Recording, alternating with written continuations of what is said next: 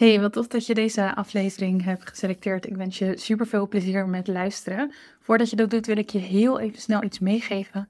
En dat gaat over mijn uh, voorlopig allerlaatste FIRE workshop. En mocht je die workshop nog niet kennen, dat is mijn workshop over financiële onafhankelijkheid. Dus ik help creatieve ondernemers om na te denken over hun financiële toekomst. En ik uh, leer je ook hoe je kunt beginnen met beleggen.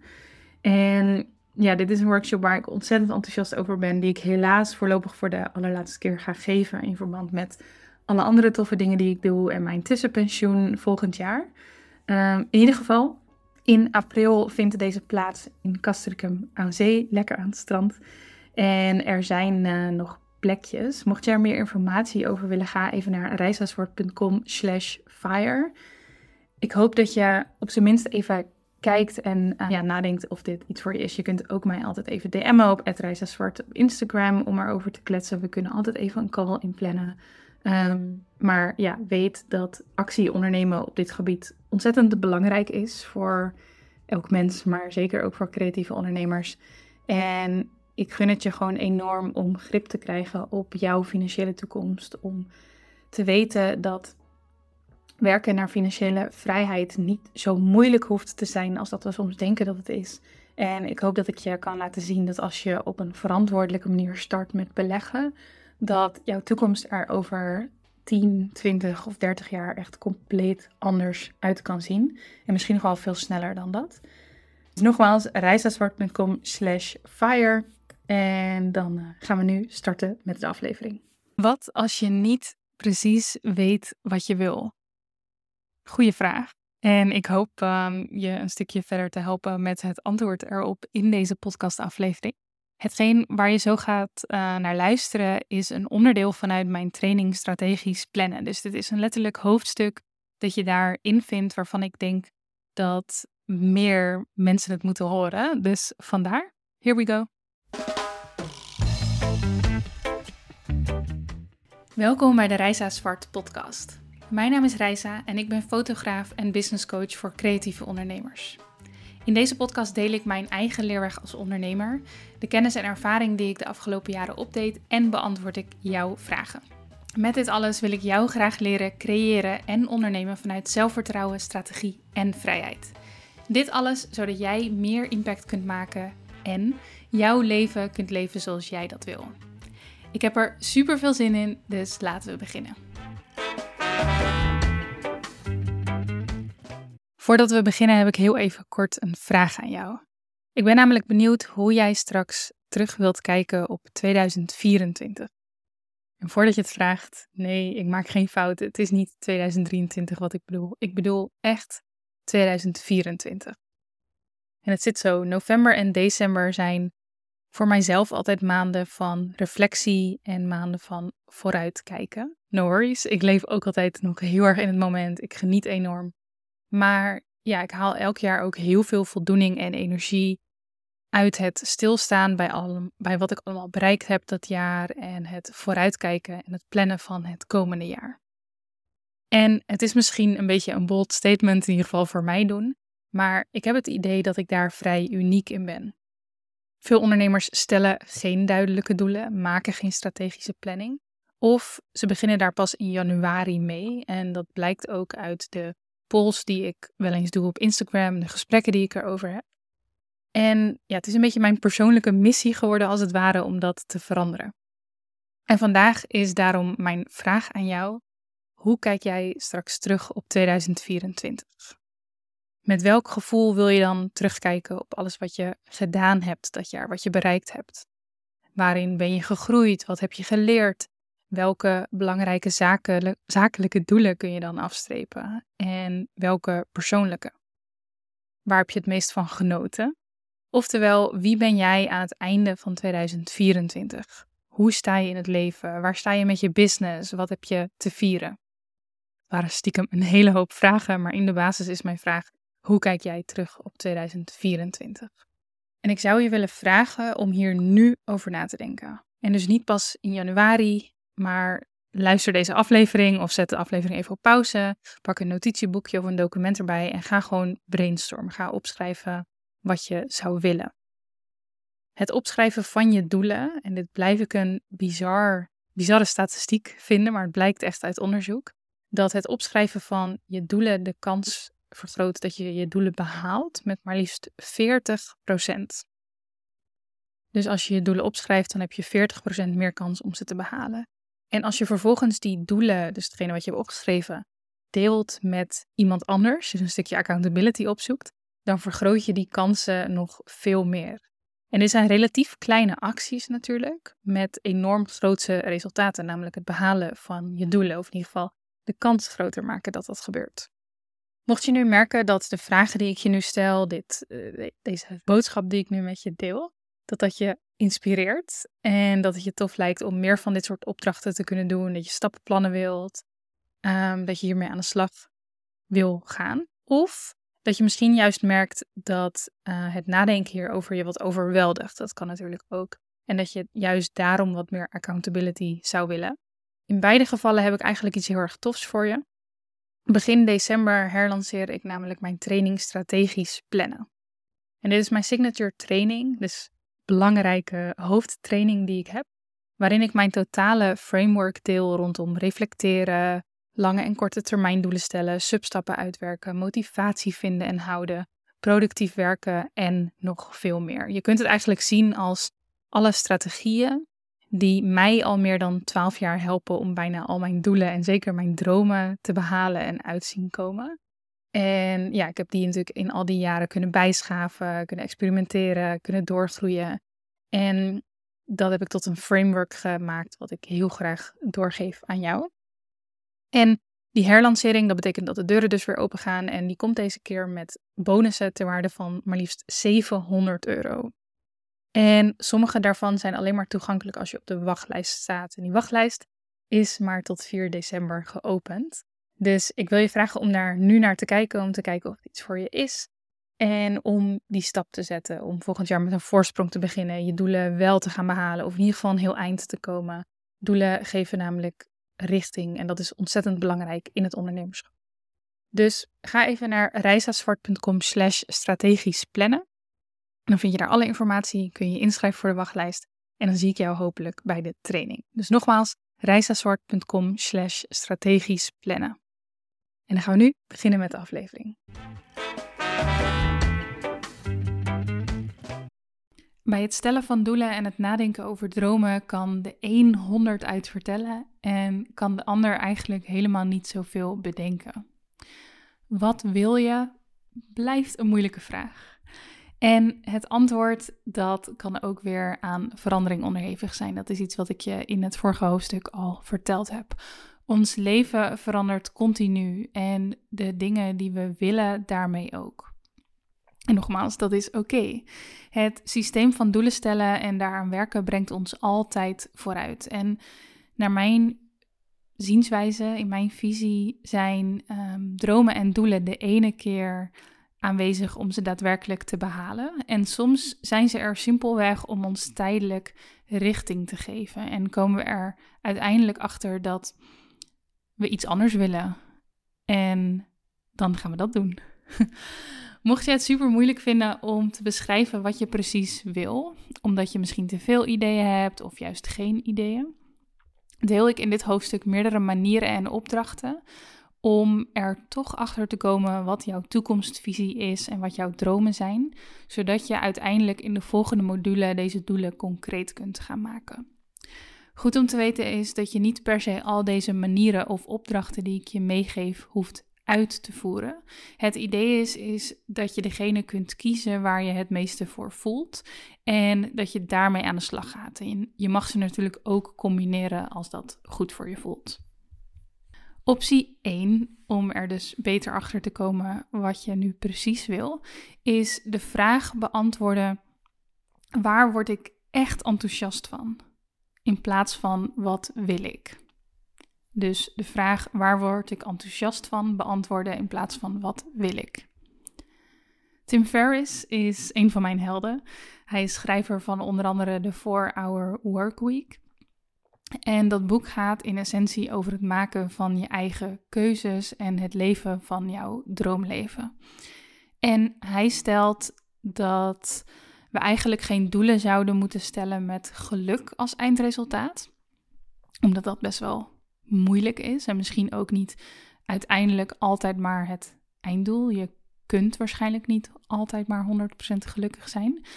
En hij zegt: zouden we niet veel beter moeten nadenken over hetgene dat ons excited maakt in zijn woorden? Oftewel, um, dat je nadenkt over waar je echt enthousiast van wordt. Want hij zegt: het tegenovergestelde van geluk is niet verdriet, maar verveling. En excitement, enthousiasme, staat tegenover verveling. Dus als je dingen nastreeft die jou enthousiast maken, dan kom je uiteindelijk uit waar je uit wil komen. En dat zijn de doelen die je de goede richting op kunnen brengen. En ja, daar sluit ik me op het gebied van doelen stellen zeker bij aan. De beste doelen voor mij zijn doelen die me buiten mijn comfortzone trekken. Doelen die ik spannend vind. Doelen waarbij ik soms zonder tijdsbesef ergens aan kan werken.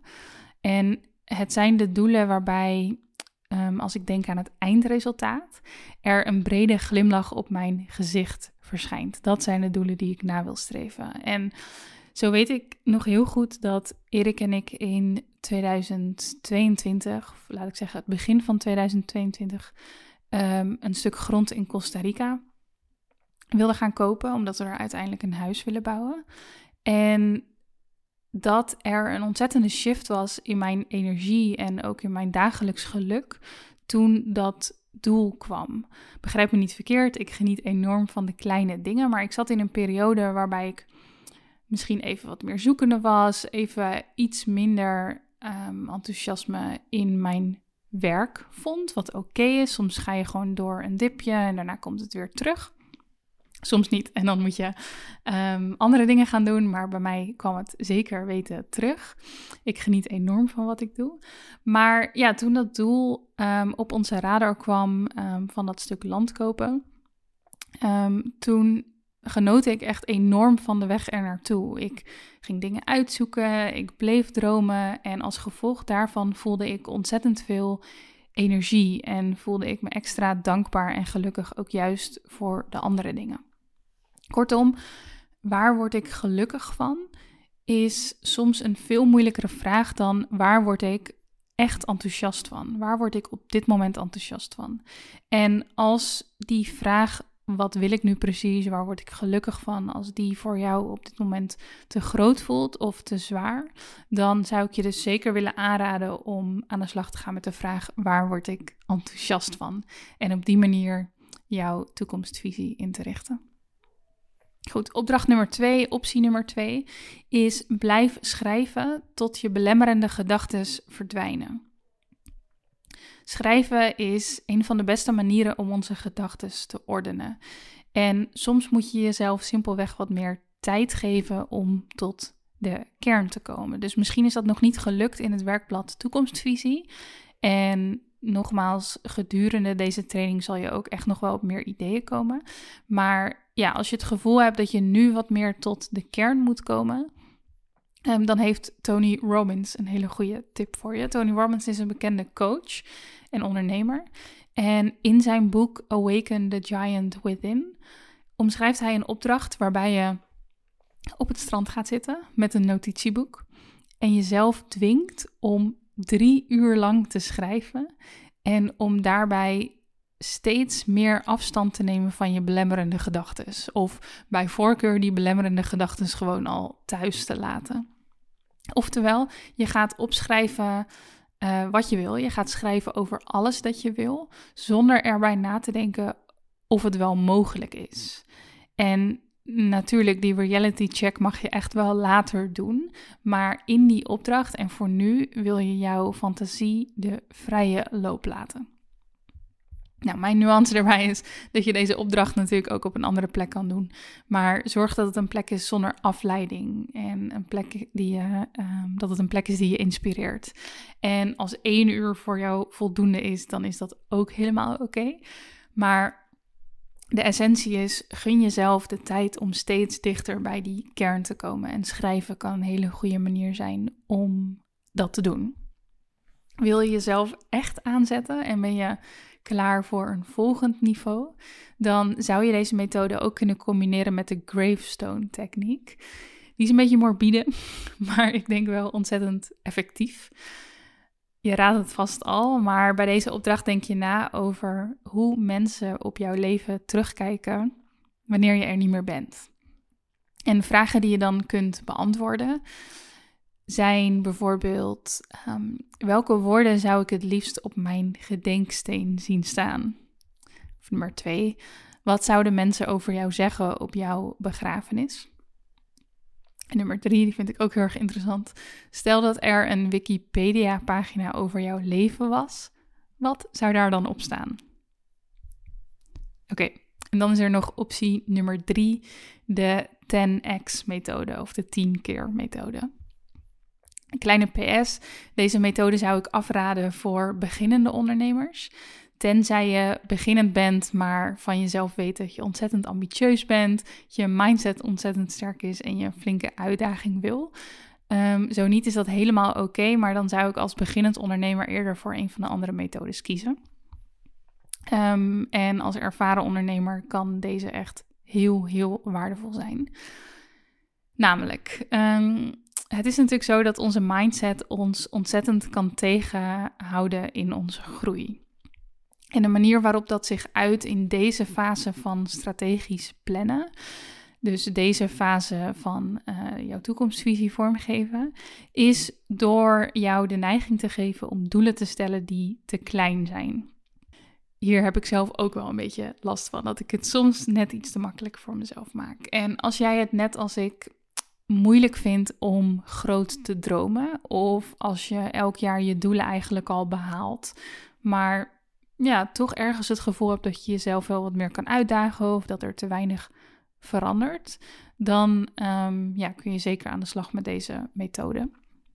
De 10x-methode is gebaseerd op de gedachte dat ambitieuze gedachten en doelen leiden tot grotere acties en daardoor uiteindelijk meer kans van slagen hebben en meer voldoening geven. Oftewel, als jij groter durft te dromen, dan durf je waarschijnlijk ook groter actie te ondernemen.